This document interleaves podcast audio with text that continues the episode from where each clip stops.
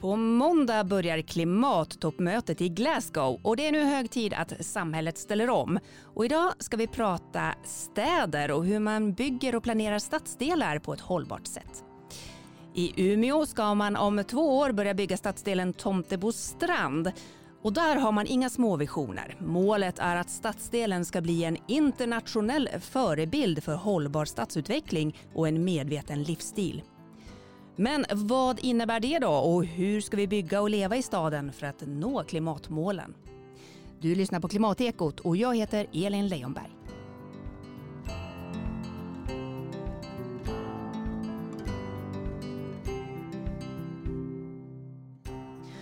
Och idag har jag tre personer med mig i studion och alla tre har olika perspektiv på hur man skapar en hållbar stadsdel.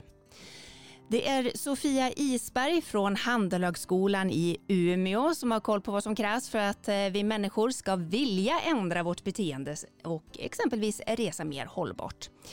Med i studion finns också Åke Fransson, numera pensionerad forskare från Umeå universitet där han har jobbat mycket med energieffektivisering. Och så har vi Mikael Hjalmby, hållbarhetskonsult på ESAM. Varmt välkomna till Klimatekot. Tack. Tackar, tackar. Tack. Tack. Mikael, eh, om vi börjar med dig. Du har varit med i det här projektet Tomtebo strand sedan start. Kan du berätta lite grann vad det är man vill åstadkomma med den här nya stadsdelen? Ja, dels så kommer man väl att se vissa saker. Man kommer väl se att det finns en, en, en elbuss. Man kommer att se en, en massa saker som bilpool, eh, cykelpool, sådana här fysiska, faktiska saker. Sen finns det en massa saker som man inte kommer att se eh, kopplat till energifrågor, kopplat till annat som är själva infrastrukturen. Kommer man märka liksom att det är någon skillnad att, att leva i ett sånt här område jämfört med vilken annan stadsdel i Umeå som helst? Jag tror att man kommer faktiskt att märka det mest kopplat till resor. Där man kommer att se den största skillnaden. Mm. Vi har ju haft en vision om ett, om ett bilfritt område, en bilfri stadsdel. Nu kommer det inte att landa helt i en bilfri stadsdel, men eh, så långt man kan komma kommer det att vara det. Mm. Är det bara bostäder som man planerar i det här området? Nej, det är också ganska mycket ut mot eh, Europaväg 4, E4, så kommer det finnas en hel del verksamheter.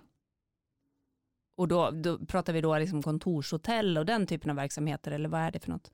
Jag tror att det blir mycket av den varan, ja. Ja, just det. För mycket av det man pratar om också när man pratar hållbar stadsutveckling är att man ska kunna liksom leva sitt liv där man bor.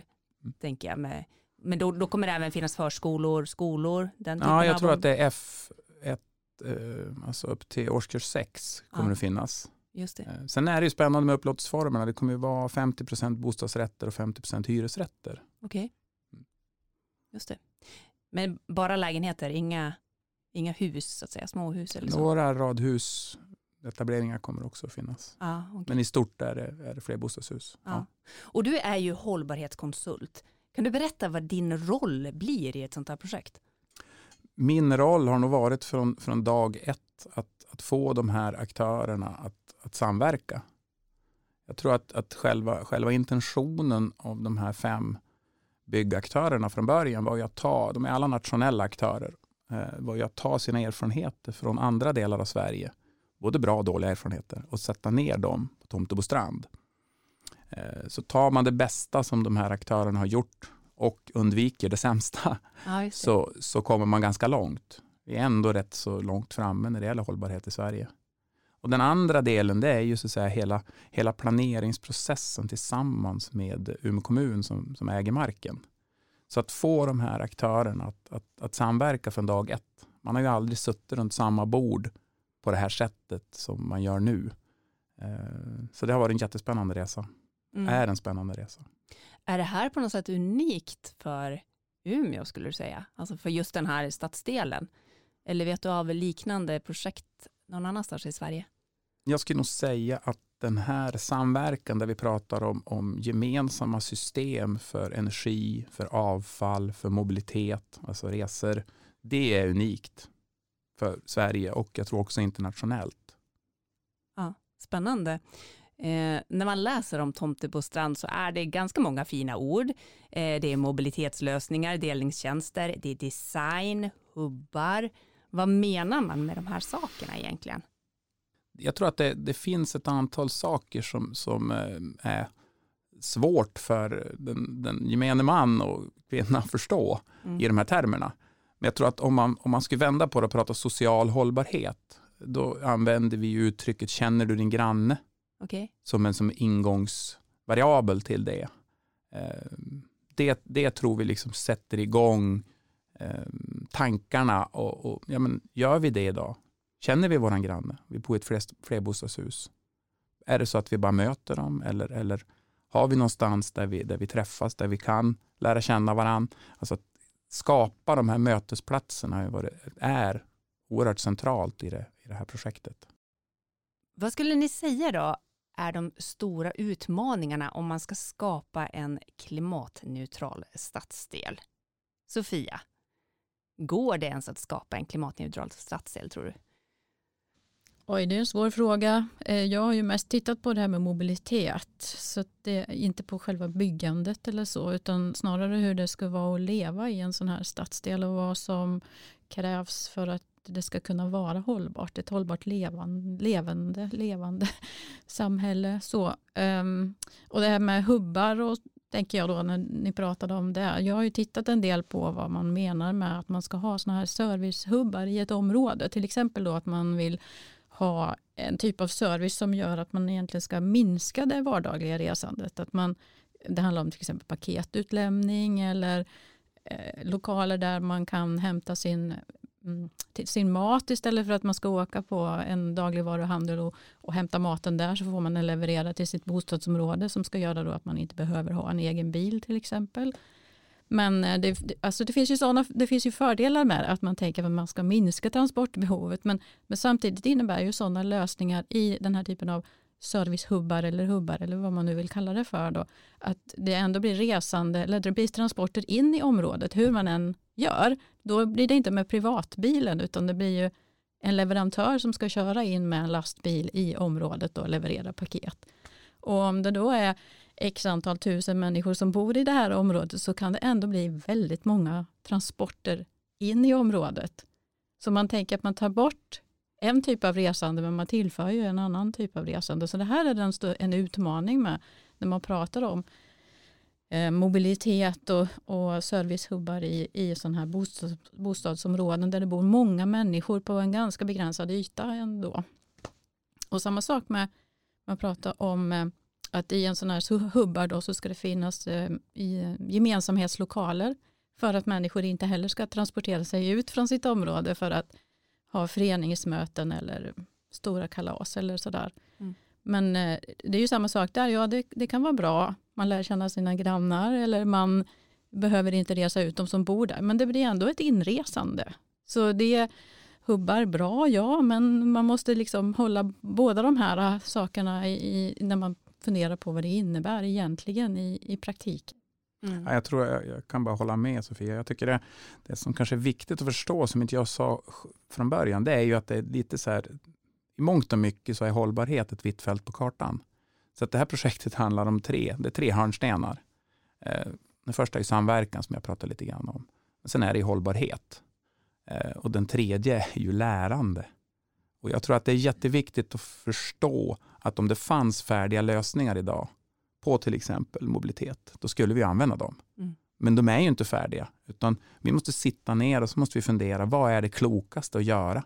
Så vi vet ju inte hur slutresultatet, inresande, utresande, precis som du beskriver, kommer att landa. Men vi ser ju att det finns ju, det är klokt att ha samdistribution. Alltså du kommer in med, med ett fordon med mycket paket istället för att var och en ska åka och hämta sitt eget. Alltså mm. där någonstans börjar det.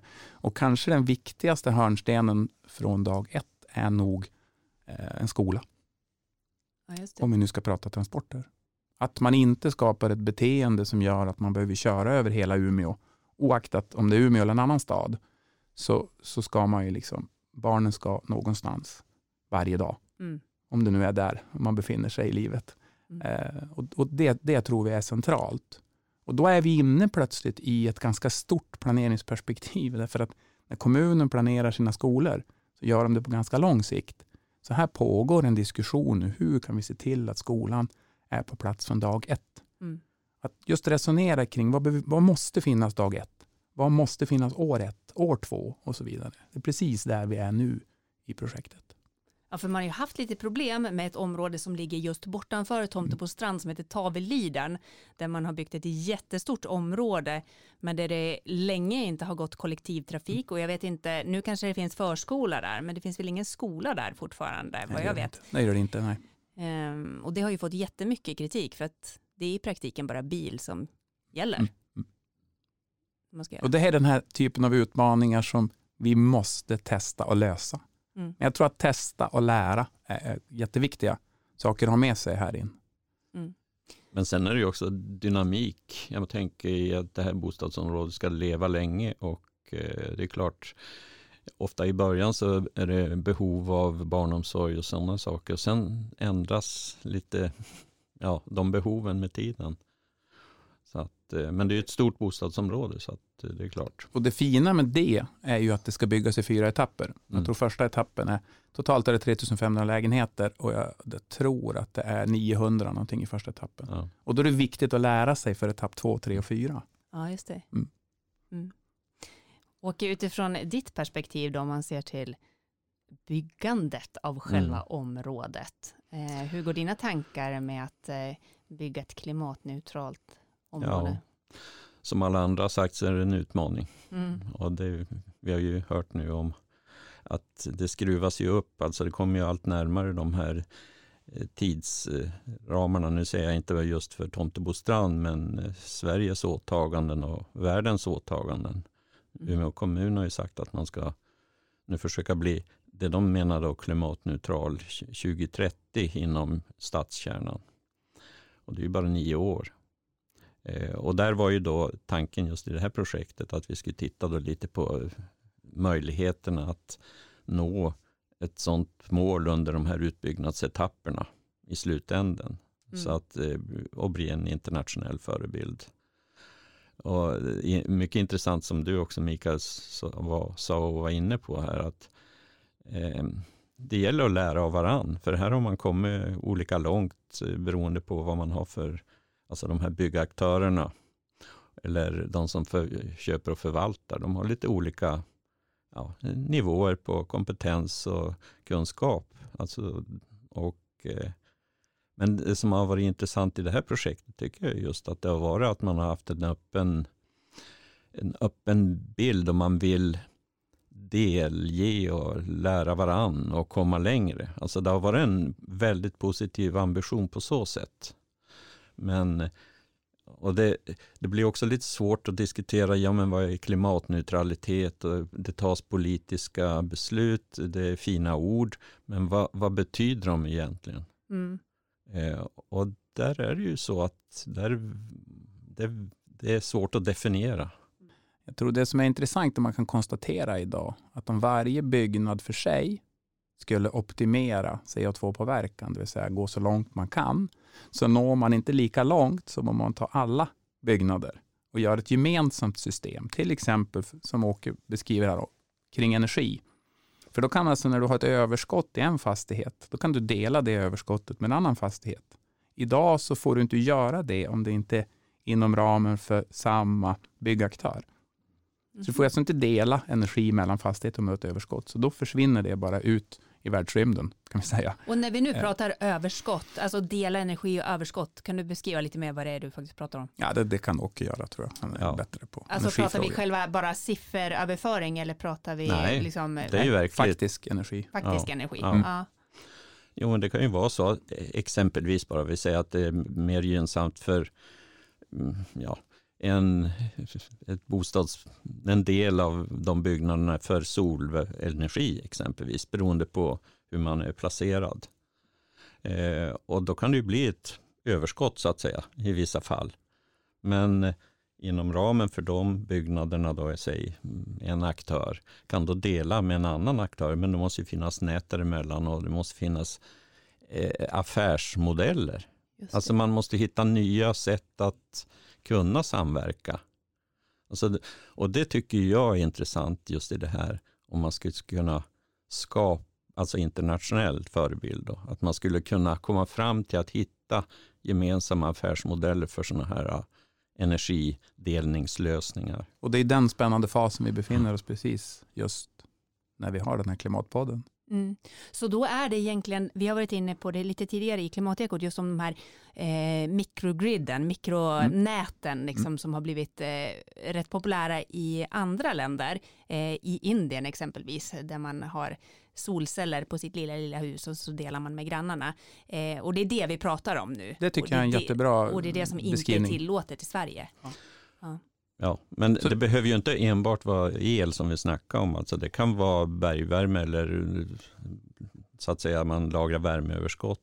På så Alltså vi sätt. pratar både värme och el Mm, när vi pratar dela. just det.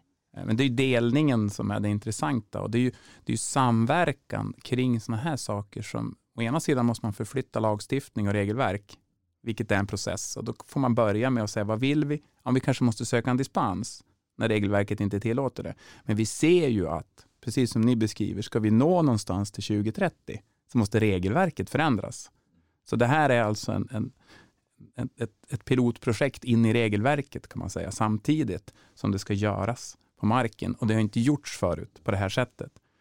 Eh, vi kan ta en annan sak, vi kan ta spillvatten till exempel. Jag menar, när, vi, när vi duschar på morgonen så har vi ju hyfsad värme ofta på varmvattnet och det där går ju rakt ut och sen går det ner till reningsverket. Ingen tar reda på, på värmen, återvinner värmen ur det spillvattnet. Där tittar vi på, inte bara att göra det för en fastighet utan göra det för alla fastigheter. Det. Och då ser man plötsligt en potential att plocka ut från 24 grader ner till 7-8 grader kan man plocka ut. Eh, så det är jättespännande att, att vara i de här diskussionerna. Men då är det som Åke säger, det måste finnas affärsmodeller som fungerar både för de kommunala bolagen och, och för byggaktörerna och för kommunen i sig. Så att vi befinner oss mitt i det där nu. Mm. Och det, det kan vara en utmaning för att eh, de kommunala bolagen, nu om vi säger Vakin som tar hand om avloppsvattnet och så vidare, de kan ha vissa, om det börjar tas ut allt för mycket, då får de vissa problem. Och det är likadant som Umeå Energi om vi pratar fjärrvärme eller liknande. De har ju en affärsmodell för sitt, har ju haft på ett visst sätt. Så att eh, nya lösningar kan mm, bli en utmaning för dem. De måste fundera. Och det är det som jag tycker jag är jätteintressant. Att här hitta kanske nya sätt att inte eh, Umeå Energi bara säljer energi utan de har ett nät som de kanske äger och kan så att säga ta betalt för någon tjänst i nätet. Ungefär som vi betalar ju för el, eh, elnätet separat och sen förbrukningen är en sak. Så det kan man nog säga som som är, det kommer att leda till nya tjänster och nya affärsmodeller. Nya Ser sätt ni- att arbeta. Ser ni att det är på gång någon typ av regelförändring, lagförändring för att eh, möjliggöra sådana här? Ja, på energiområdet så ser vi det definitivt. Men tittar man på men alla de här infrastrukturområdena så ser det väldigt olika ut. Eh, På VA-sidan så ser det lite annorlunda ut. Där har man lite längre processer. Ja, det ser helt enkelt olika ut. Mm. Men det är en utmaning och så nio år då. Om det är 2030 vi tittar på. Men, men det måste ju till på något sätt. Men jag tänkte det, är det inte också så att det är inte bara en förändring av lagar och regler utan det är också en mental förändring för, för aktörer som är vana vid att vara konkurrenter. Och, och liksom värna om sin egen affärsmodell och sin egen affärsidé. Nu ska de plötsligt vara samarbetspartners. Och, och, Och, och det är därför det är så viktigt att börja tidigt. Som jag sa, den här samverkan startade ju någonstans årsskiftet 2016-2017. Och det som är en, det stora kapitalet är ju, är ju förtroende och tillit i gruppen. Alltså att vi faktiskt kan lägga upp saker på bordet som är jobbiga. Sen kan du ju skära i en organisation och säga att om du befinner dig längst ner, längst ut, så har du ju lite tufft om du ska förändra en affärsmodell på en, en nationell stor aktör. Så att, men det å, andra sidan gör ju att, att det, här, det här projektet blir väldigt intressant för de nationella aktörerna eftersom vi ska förändra och, och man vet som, som stor nationell aktör att man har samma mål. Till 2045 ska många av de här aktörerna vara nu, klimatneutrala. Så vi, vi är ju som på samma spelplan. Men vi har hittills haft väldigt olika och väldigt individuella roller. Och nu kliver vi ut på en spelplan där det krävs samverkan för att lyckas. Hur, Mikael, du som har varit inne i det här med eh, nätverket för hållbart byggande och många aktörer. Har, har du sett att eh, det har skett en förändring de sista, säg, tre, fem åren i inställning till de här, att diskutera sådana här lösningar? Eller? Det finns en helt annan jordmån nu för, för mm. hållbarhet än det gjorde för fem, sex år mm, sedan. Men jag tänker också det här med att eh, dela med sig och ja, det tycker jag. Liksom det tycker jag. komma framåt och ha det här målet. Det tycker jag. Mm. Just nu, man brukar prata om kritisk massa, just nu så, så ser man att det är den kritiska massan för, för samverkan och förståelsen kring att det krävs, mm. den finns där. Insikten att ja. det här är skarpa mål som vi måste uppfylla. Ja, det, det tycker jag. Det driver på. Ja, det tycker jag. Mm. Det tycker jag. Hur, hur, fråga till då. Hur, hur viktigt tror du de politiska besluten är i det här? Alltså aktörerna själva driver på, men politiken är ju också viktig i det här. Va? Hur värderar du? Alltså jag tror att det är smart av politiken att, att, att driva på. Men om man inte gör det så kommer man att tvingas. Därför att lag, lagstiftning och regelverk kommer måste förändras för att, för att klara det här. Va? Det handlar ju ytterst om eh, många företags existens. När råvarupriser sticker iväg, ja, eh, ökad konkurrens globalt. Så det, det, kommer att, man tvingas in i någon form av strut eller, eller tratt här. Va? Så det är bra om politiken mm. sätter ett, ett, ett, klokt regelverk och så fort som möjligt. Mm. Vad har ni för förhoppningar på toppmötet nu i, i Glasgow? Men de stora knäckfrågorna, jag tycker, jag tycker den förhoppning man har det är ju att, att eh, de, de rika länderna faktiskt kan ta ett större ansvar. Det, det, är väl den stora förhoppningen därför att det är, många, det är många fattiga länder som också inte bara är fattiga utan är, är, ligger värst eller sämst till när det gäller klimatförändringarna. Så det är väl den ena, att, att det här med investeringar och in, klimatinvesteringar som är utlovat, att det faktiskt händer. Um, och sen har vi den andra delen som är en jobbspost och det är ju investeringarna i fossilt. Att de ligger kvar på alldeles för höga nivåer. Det måste man som skifta över till, till förnybart. Mm. Det är väl två förhoppningar jag har, att man kan lösa upp sådana såna knutar. Sen lyssnar man på International Energy Agency som är energibranschens eh, eller branschorganet så säger de att alla policies finns. Det gäller bara att, att, att genomföra. Så det är där liksom, lite som du är inne på Åke, där att politiken har en väldigt stor roll att faktiskt trycka på go, go, go-knappen. Mm. Och ett mål som vi har, det är ju hållbart resande. Och eh, Sofia, du har ju tittat på det här. Vi har ju pratat lite grann om just att hållbart resande kommer att vara en nyckel i både i Tomtebostrand men även liksom i samhället i stort, att vi måste resa på ett annat sätt. Och du har tittat och sammanställt lite olika studier och rapporter kring vad som krävs för att människor ska vilja ändra sitt beteende och välja mer hållbara transportlösningar. Och utifrån vad du har sett, vad, vad är det då som krävs för att vi ska vilja cykla mera, åka mera kollektivt och så vidare?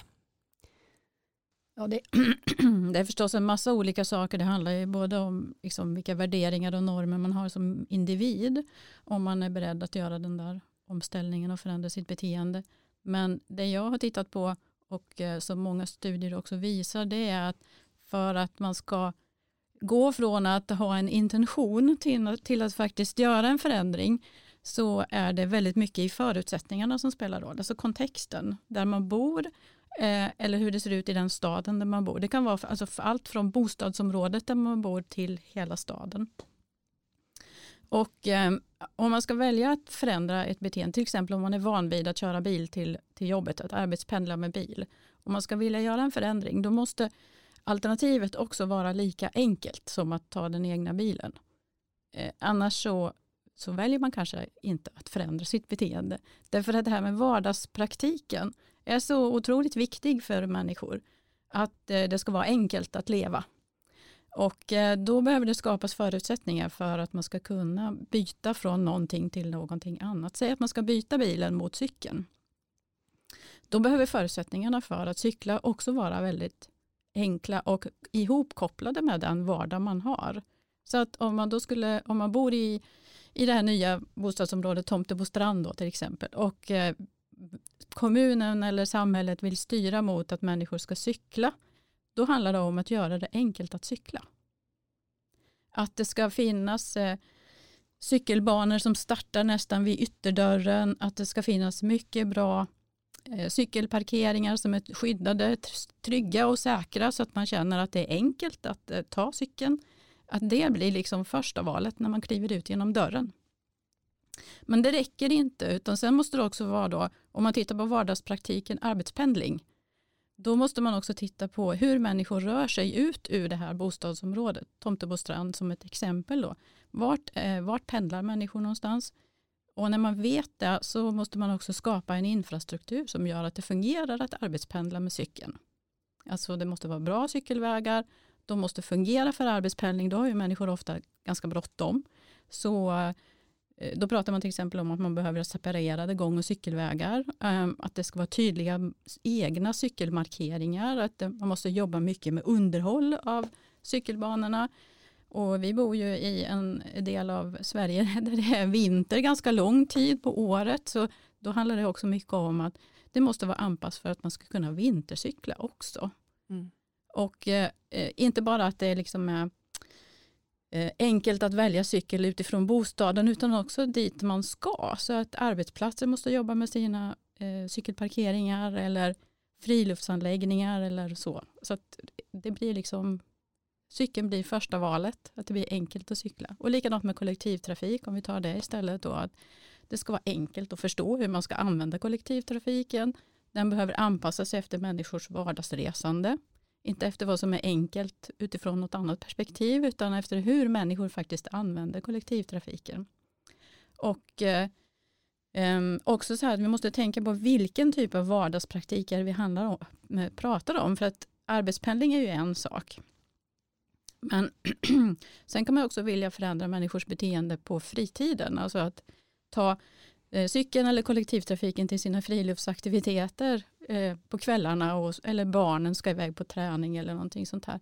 Vad är det då för cykelvägar som behövs eller för kollektivtrafik som behövs? Alltså vilka tider behöver de gå? Hur, hur är eh, kollektivtrafiken anpassad efter att man ska resa med en massa sportutrustning eller så det är liksom, det finns eh, vardagspraktik i, i plural kan man säga. Det kanske låter som att det är en, men man måste titta på vilka olika typer av resor som människor gör.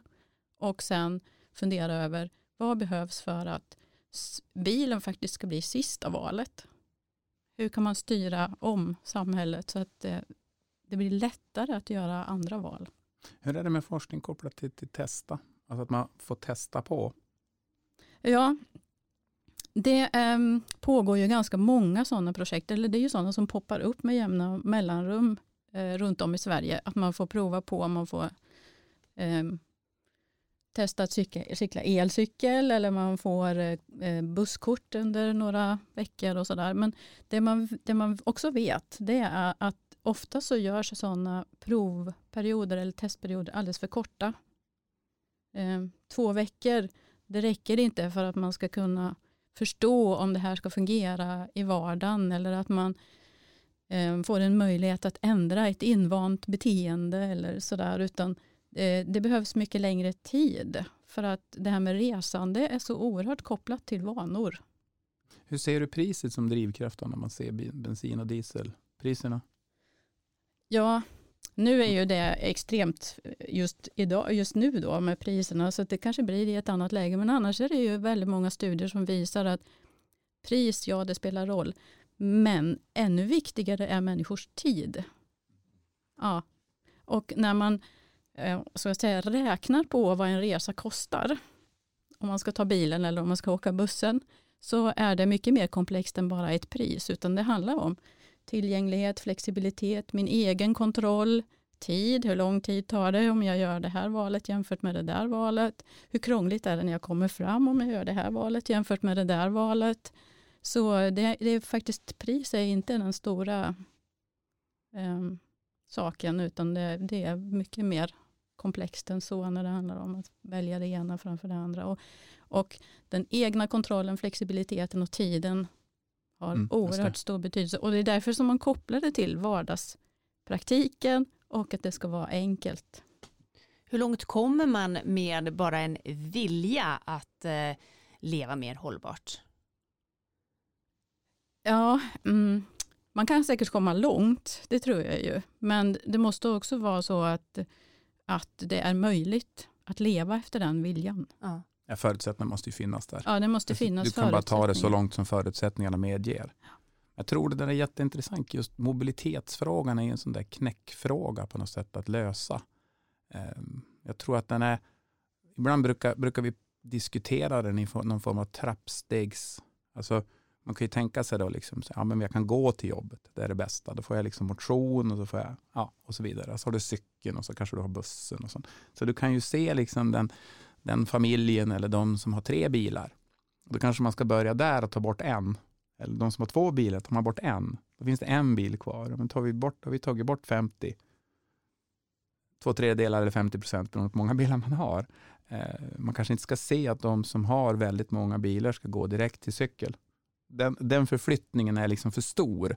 Utan jag tror att vi måste se det liksom utifrån någon form av trappstege. Men, men det där är, jag har inte något svar, utan jag bara, det här är ju jättekomplext, jättesvårt. Mm, jo, och många studier nu de sista två åren också har ju visat att, att vi, man inte, kanske inte ska prata om det sådär svart och vitt, för det gör också att människor eh, alltså känner motstånd mot den här förändringen. För att man ska liksom välja bort så mycket i sitt liv som man tycker är viktigt, det här med flexibiliteten att ha en egen bil då. Och många pratar ju om det, här, men då kan inte vi åka och hälsa på farmor som bor där hon bor i den där byn. Eller vi kan, Nej. inte, och vi kan inte ha kvar sommarstugan om vi inte har bilen. Så man vill liksom inte välja bort sin livsstil för fast man vet, fast man vill. Men det som är spännande när du säger det Sofia, så är det ju liksom, vi har ju en livsstil som ser ut som den gör idag. Och det som är intressant är att behålla livsstilen. Men det kanske, då kanske jag ska ta mig till stugan med en hyrbil, därför att jag behöver den bara fredag till söndag. Jag kanske inte måste ha två bilar. Alltså det, det, det är den här diskussionen och, och, och, och möjligheten att testa som blir intressant. För jag håller med, mobilitetstjänsterna ska vara utformade så att de passar i de allra flesta lägen. Sen tror jag att man kanske måste pruta på, man kanske måste cykla någon gång till träning istället för att få skjuts som tonåring. Ja, det, det finns ett antal sådana saker som jag tror ändå som man måste som anpassa sig lite till. Men annars så behöver man hitta de där mobilitetstjänsterna som funkar för vardagspusslet. Jag är helt överens. Men där tror jag det är viktigt just att också sikta in sig på ungdomarna. För att inte att de också ska ha, få samma, anamma samma vanor. Eh, så att, eh, och jag tänkte nu det här Tomtebostrand, om vi återgår till det, om hubbar och på liknande sätt, då kan det ju vara en sån, som en del i en lösning, att man får eh, leverans så att säga in i bostadsområdet. Så att du, du, du behöver inte ta bilen till affären på vägen hem från jobbet. Utan så att man kan ju ta cykeln och så kanske cykla direkt till hubben. Mm. Har du tittat någonting på, eh, det fanns ju exempelvis ett experiment, eller experiment, ett test här i Umeå eh, med lådcyklar. Där man kunde, man kunde låna lådor, eller hyra gjorde man väl, man var väl med, det var som en liten Väldigt pool låg hyra var det. Ja, Subventionerad hyra. precis. Och jag tänker, om man då bor i ett sånt här område och så ska man hämta all sin mat, man ska ändå hämta den på ett ställe, det kan vara lite halvkrångligt att ta det på sin vanliga cykel. Skulle det kunna vara en lösning då med lådcyklar som man får använda? Eller hur, hur tänker ni kring det? Har du tittat något på det Sofia? Eh, ja, jag har ju tittat på en del studier om det och även, eh, ja, man, man kan ju säga så här då att det är samma sak där, att det måste fungera i vardagen. Och det är det som är lite det kruxiga med det här med, med pooler. Att eh, människor ändå känner att de förlorar en del egen kontroll om man ska eh, använda sig av en pool. För Många som, som har, man har gjort studier med människor som bor i sådana områden redan, där det, det liksom är parkeringstal noll eller där det är väldigt låga parkeringstal, alltså få, bo, få parkeringsplatser kopplade till bostäderna. Och eh, väljer de människorna verkligen att använda pooler eller behåller de sin bil men parkerar den någon helt annanstans då utanför det här bostadsområdet? Då? Eller hur gör de egentligen i praktiken? För det är en sak att säga att man ska göra, men vad gör man när det blir liksom vardag och man bor där? Och då har det ju visat sig att, att eh, människor vill ha kvar den egna kontrollen. Och då blir det så här, mm, hyr bilpool eller hyra en, en cykel. Hur vet jag att den finns precis när jag vill ha den? Och mm. om den inte finns den där enda gången jag provar så kanske man blir liksom så avskräckt så att då skaffar man något annat alternativ. För det, det är fortfarande det här med att det ska fungera i vardagen. Och om det då finns liksom tre lådcyklar på 150 bostäder eller 150 lägenheter, hur vet man då att precis när jag vill ha den så finns den där utanför? Mm. Och, och, och då kan det bli ett liksom mentalt hinder för, för eh, att göra ett, ett sånt val, att inte ha egen bil utan att använda sig av pooler av olika former. Då. Så jag säger inte att det är ett faktiskt hinder, men det är ett mentalt hinder för många människor, att de tänker att de förlorar den egna kontrollen. Mm. Det här tror jag är, det är rätt spännande, så där, för att jag, jag gillar när du sa tidigare, Sofia, det här med svart och vitt. Därför att jag tror att själva tanken med Tomtebostrand som, som hållbar stadsdel, det är att du ska ha de där längst ut som inte kanske är klimatvänliga. Alltså som har sagt att ja, men det får kosta, vi, vi har det här. Och så har du här borta har du då liksom de andra som är cyklar och går. Och, och så jag tror att det är själva tanken att det finns en blandning av, av människor. Både vad gäller liksom social bakgrund, e-, ekonomisk för, förutsättningar och så vidare. Det ska ju som passa. Um, jag tror inte att det här kommer bli en hållbar stadsdel med, med bara de människorna som har sagt att ja, men nu gör vi alla de här sakerna rätt. Um, och, och, att få till det är ju ja, det är ju en, det är en spännande utmaning. Mm. Så det ska finnas för alla, men det kanske inte, eller så kommer det bli väldigt dyrt om du ska komma dit och, och, och bo i en, en bostadsrätt eller hyresrätt och ha tre bilar. Då kommer du få betala ganska ordentligt. Mm. Är de dessutom fossildrivna så kan man tänka sig att det finns en differentierad taxa på, på din parkeringsplats. Mm. Så det, det, finns ju ett antal styrmedel i botten och det som är intressant med det Sofia säger det är att det, det är ju historiskt. Om vi nu ska framåt så vet vi ju inte hur snabbt beteendeförändringarna går framåt. Det är den andra faktorn i det här. Eh, när vi ser liksom att det vi pratade om för tre år sedan, det har hänt jättemycket upp till idag. Så att, eh, man ser ju att det bubblar liksom på marknaden med mobilitetslösningar nu. Absolut inte så för, för tre, fyra år sedan. Då fanns det ett, ett fåtal aktörer, men nu, nu bubblar det. Det är ju intressant det du säger också och det du pratade om tidigare med kritisk massa.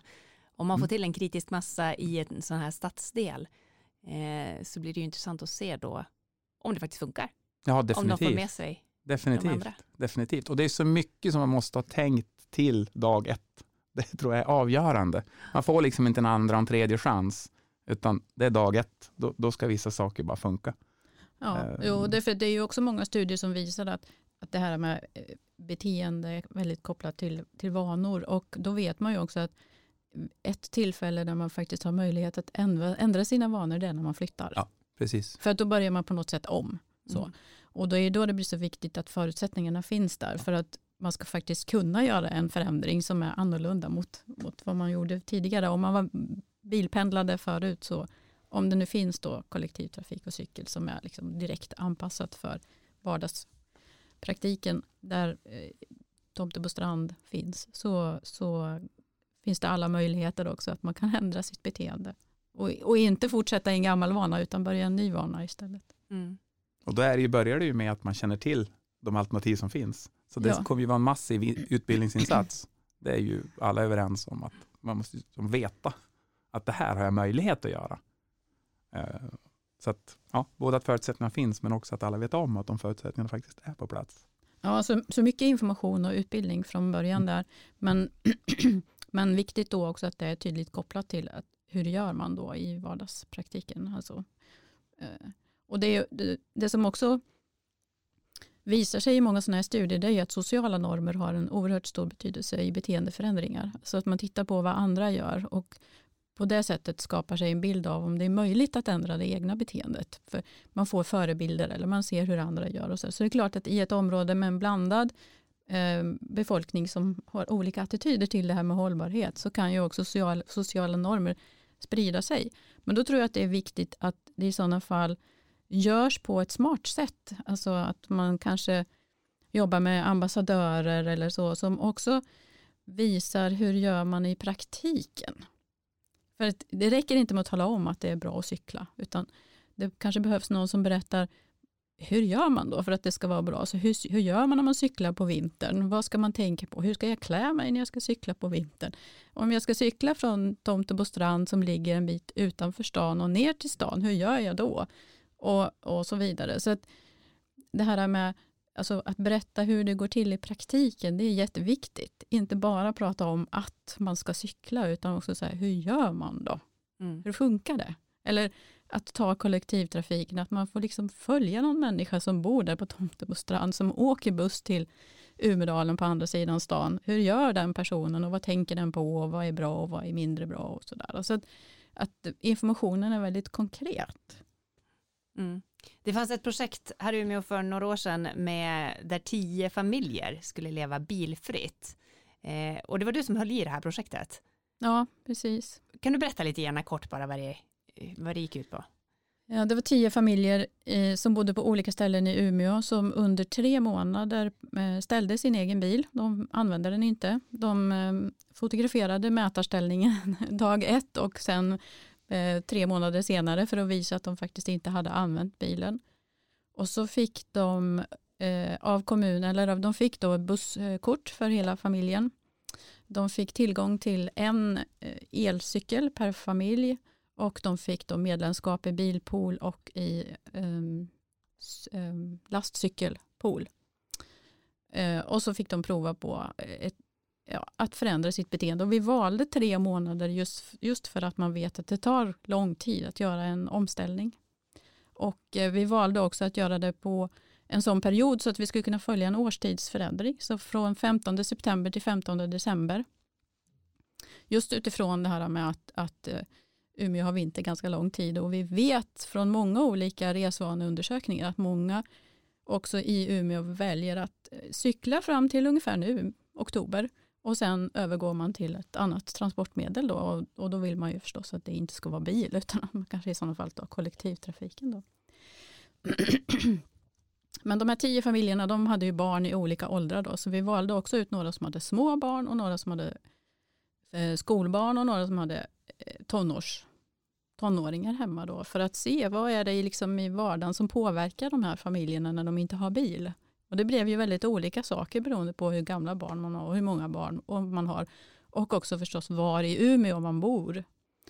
För att förutsättningarna för att cykla och att resa kollektivt är ju olika beroende på vilken stadsdel man bor i.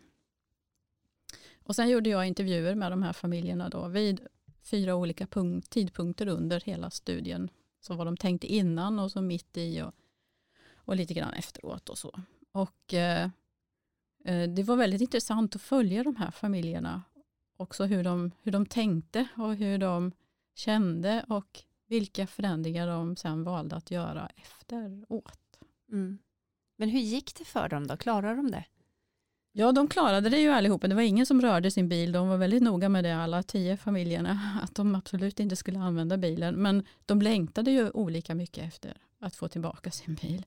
En del, eh, ett par familjer var ju så här, de kunde inte vänta till det blev den 15 december. De bara riktigt längtade efter att få tillbaka bilen. Och det handlade väldigt mycket om att de tyckte de hade förlorat en del av sitt liv. Att, och, och det var till exempel att hälsa på släkten som bor krångligt till och eh, vänner och, och, vissa friluftsaktiviteter och sådär som de tyckte att de hade fått välja bort under tre månader. Medan andra upptäckte att det här gick ju jättebra att vara utan bil så förlängde inte leasingavtalen till exempel två familjer utan bestämde sig för att prova att leva utan bil efteråt mm. också. Och eh, eh, jag kan säga att åtta av tio familjer bestämde sig för att eh, det här med korta resor, det skulle de inte göra med bil längre. För det hade de kommit på att det funkar lika bra med en cykel. Spännande. Och då har vi rört oss bort från den svartvita skalan. Ja, direkt. exakt. Och det är ju det som de senaste mm. stora studierna i Europa har visat också. Att om man bara kan minska eh, bilresorna med två i veckan om alla gjorde det så skulle det få oerhört stor betydelse för utsläppen och eh, Och man kan få, ner de här, eller få bort egentligen de här korta resorna som under fem kilometer, som tyvärr är alldeles för vanliga. Så skulle det få jättestor betydelse också. Alltså jag skulle, jag sa det tidigare, men jag skulle vilja addera, göra om det där testet eller projektet och så skulle jag vilja addera den där hyrbilen. Ja, just det. Därför att jag tror att om man skulle ställa upp vad det kostar att ha bilen i förhållande till att ta hyrbilen 12 gånger, en gång i månaden, så är det liksom, de flesta skulle säga att ja, men jag, jag vill nog ha kvar de där pengarna som det innebär att inte äga. Mm. utan att kunna ha tillgång. För, för om jag uppfattade det rätt så var det där en stor grej. Va? Jag tror att det är det till stugan, till släkten, till fjällen. Alltså, åka, ja. åka och plocka svamp och så ser man att det tickar liksom 75 kronor i timmen när vi är ute i skogen och plockar svamp och så räknar man på det och så tänker man att det var ju väldigt dyr svamp det här. Jo, det, Därför man... att man inte ser, man räknar ju aldrig så när man använder sin egen bil, men det blir så väldigt tydligt när man hyr en bil. jag säger inte att den, är, att den är svartvit heller, att, att, att, det blir lyckat bara för att man stoppar in en hyrbil, men jag tror att några knuffar man nog in i den där förändringszonen. Men jag tror också det, det, det, det du var inne på, att, att mentalt kanske också förstå att man tjänar inte så mycket att ta en egen bil om man ska åka fem kilometer. Alltså cykel, det går lika fort, kanske fortare ibland. Det har jag ju egen erfarenhet av.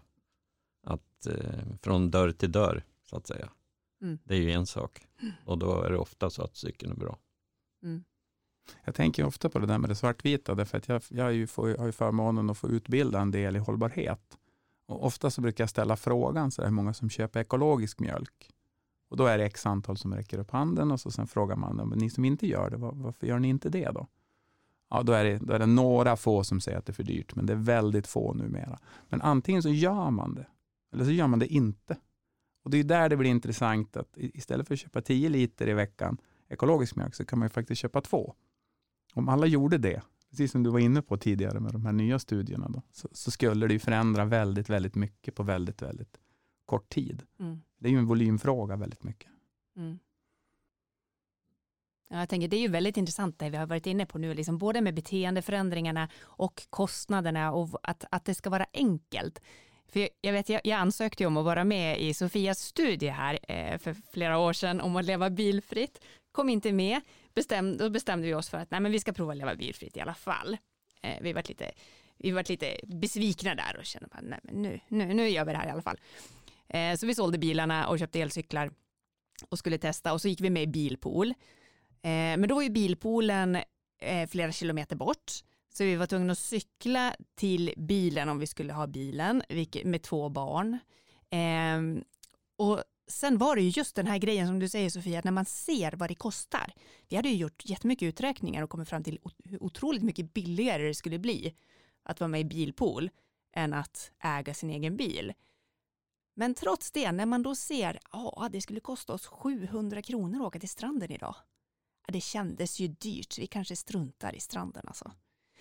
Det, det, det, det, krävs ju verkligen de här affärsmodellerna som gör att det psykologiskt ändå känns billigare och det krävs ju den här närheten, tänker jag, precis vad ni har varit inne på.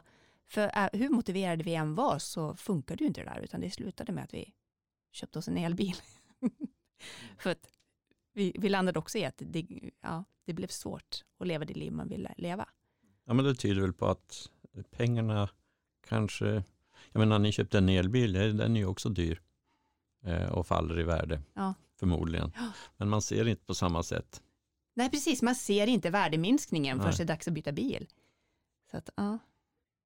Det är komplicerat det här med, med våra beteenden. Um, jag tänker att vi bara lite grann ska prata om, om, vi har ju varit inne på delningsekonomin när det kommer till transporter, men man tänker väl sig också eh, delning av andra saker i sådana här områden. Visst är det så Mikael?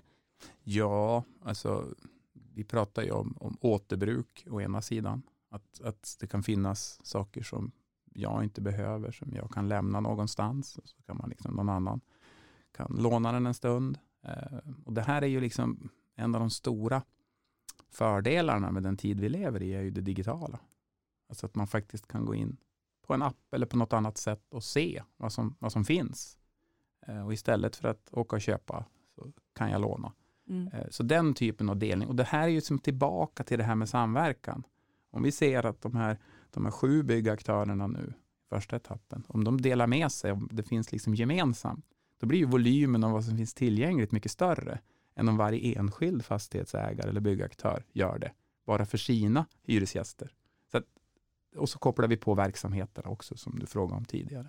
Mm. Så att då blir det ett annat utbud som gör att det blir mer intressant eh, kanske att, att söka sig dit och dela istället för att köpa.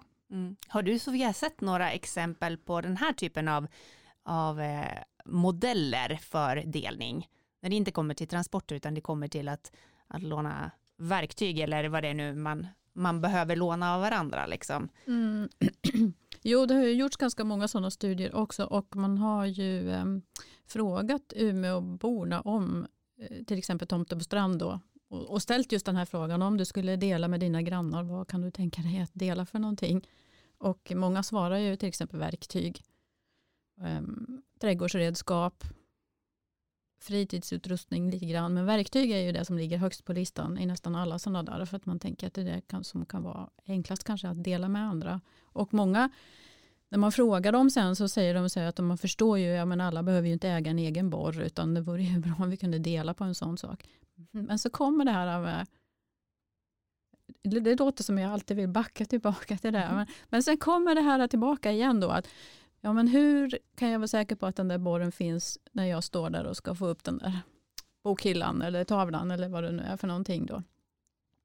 Då, då måste det vara lika enkelt att eh, hyra den där borren som att åka ner på eh, stan och köpa en egen. Mm. För annars, om det är krångligt, då väljer faktiskt människor tyvärr att skaffa egna. Mm. Men då kommer jag tillbaka till den största potentialen och det är ju känner du din granne?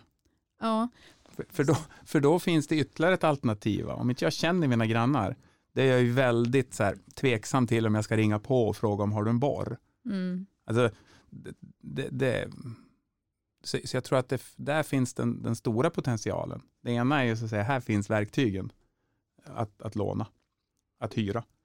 Eh, men om grannen har den och jag känner vi har en bra relation, då, då lånar vi fram och tillbaka allt ifrån mjöl och socker till, till verktyg. Mm. Så jag tror att det, det är ju den liksom sociala hållbarheten som leder till så mycket ja, stabilare samhällen och, och, och, och roligare samhällen.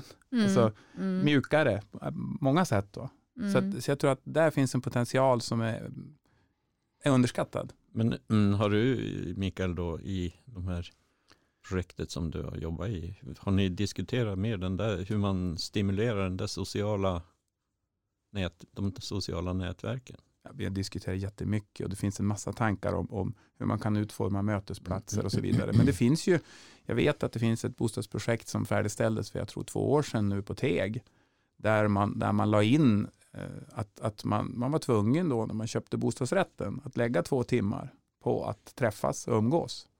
Mhm. Och, och, och, och det är liksom, det kan ju, det kan ju verka lite löjligt. Ska jag måste liksom träffa Sofia om jag inte vill det eller Åke? Men, men när man har gjort det så var ju ni rätt schyssta ändå. Alltså, Mm. det, Mm. det är ju det där att ta det där steget.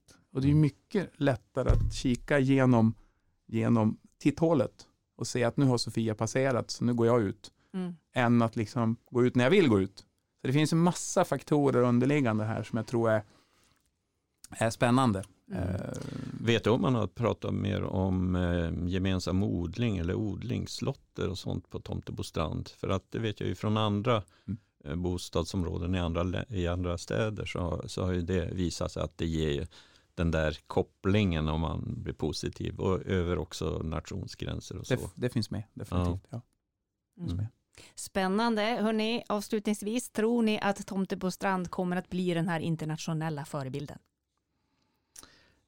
Ja, det, jo visst, det tror jag faktiskt. Jag tror att man har kommit ganska långt i diskussionerna. På något sätt så, så tror jag ändå att det kommer att ge eh, input till andra. Jag tror alla sådana här, alla såna här ambitiösa projekt, eh, min erfarenhet är att man, man eh, utifrån försöker sticka hål på det. Säga, men vadå? Eh, så jag tror att man kommer att uppnå det, men, men man måste som hela tiden förstå att det, det, det är lärandet som är intressant. Det är inte de där specifika projekt eller spjutspetsarna som ska definiera det, utan, utan det är vad vi lär oss och hela tiden flytta fram positionerna. Och då måste vi göra det liksom i, i, lite snabbare takt nu än vi var tvungna tidigare. Så, att, så tillvida så tror jag att den här samverkan som är initierat här, den kommer att leda till en massa bra saker i resten av Umeå. Ja, det ser jag som av landet, och resten av landet sen för den nationella aktörer. Mm. Och det ser jag som kanske det, det största. Mm. Mm. Hörrni, stort tack för att ni kom hit och var med i Klimatekot och pratade om det här idag. Eh, och du som har lyssnat får gärna gå in på Klimatekots Facebookgrupp Klimatekot Lev hållbart och diskutera dagens avsnitt eller ge önskemål på vad du vill höra framgent. Tack för idag och slut för idag.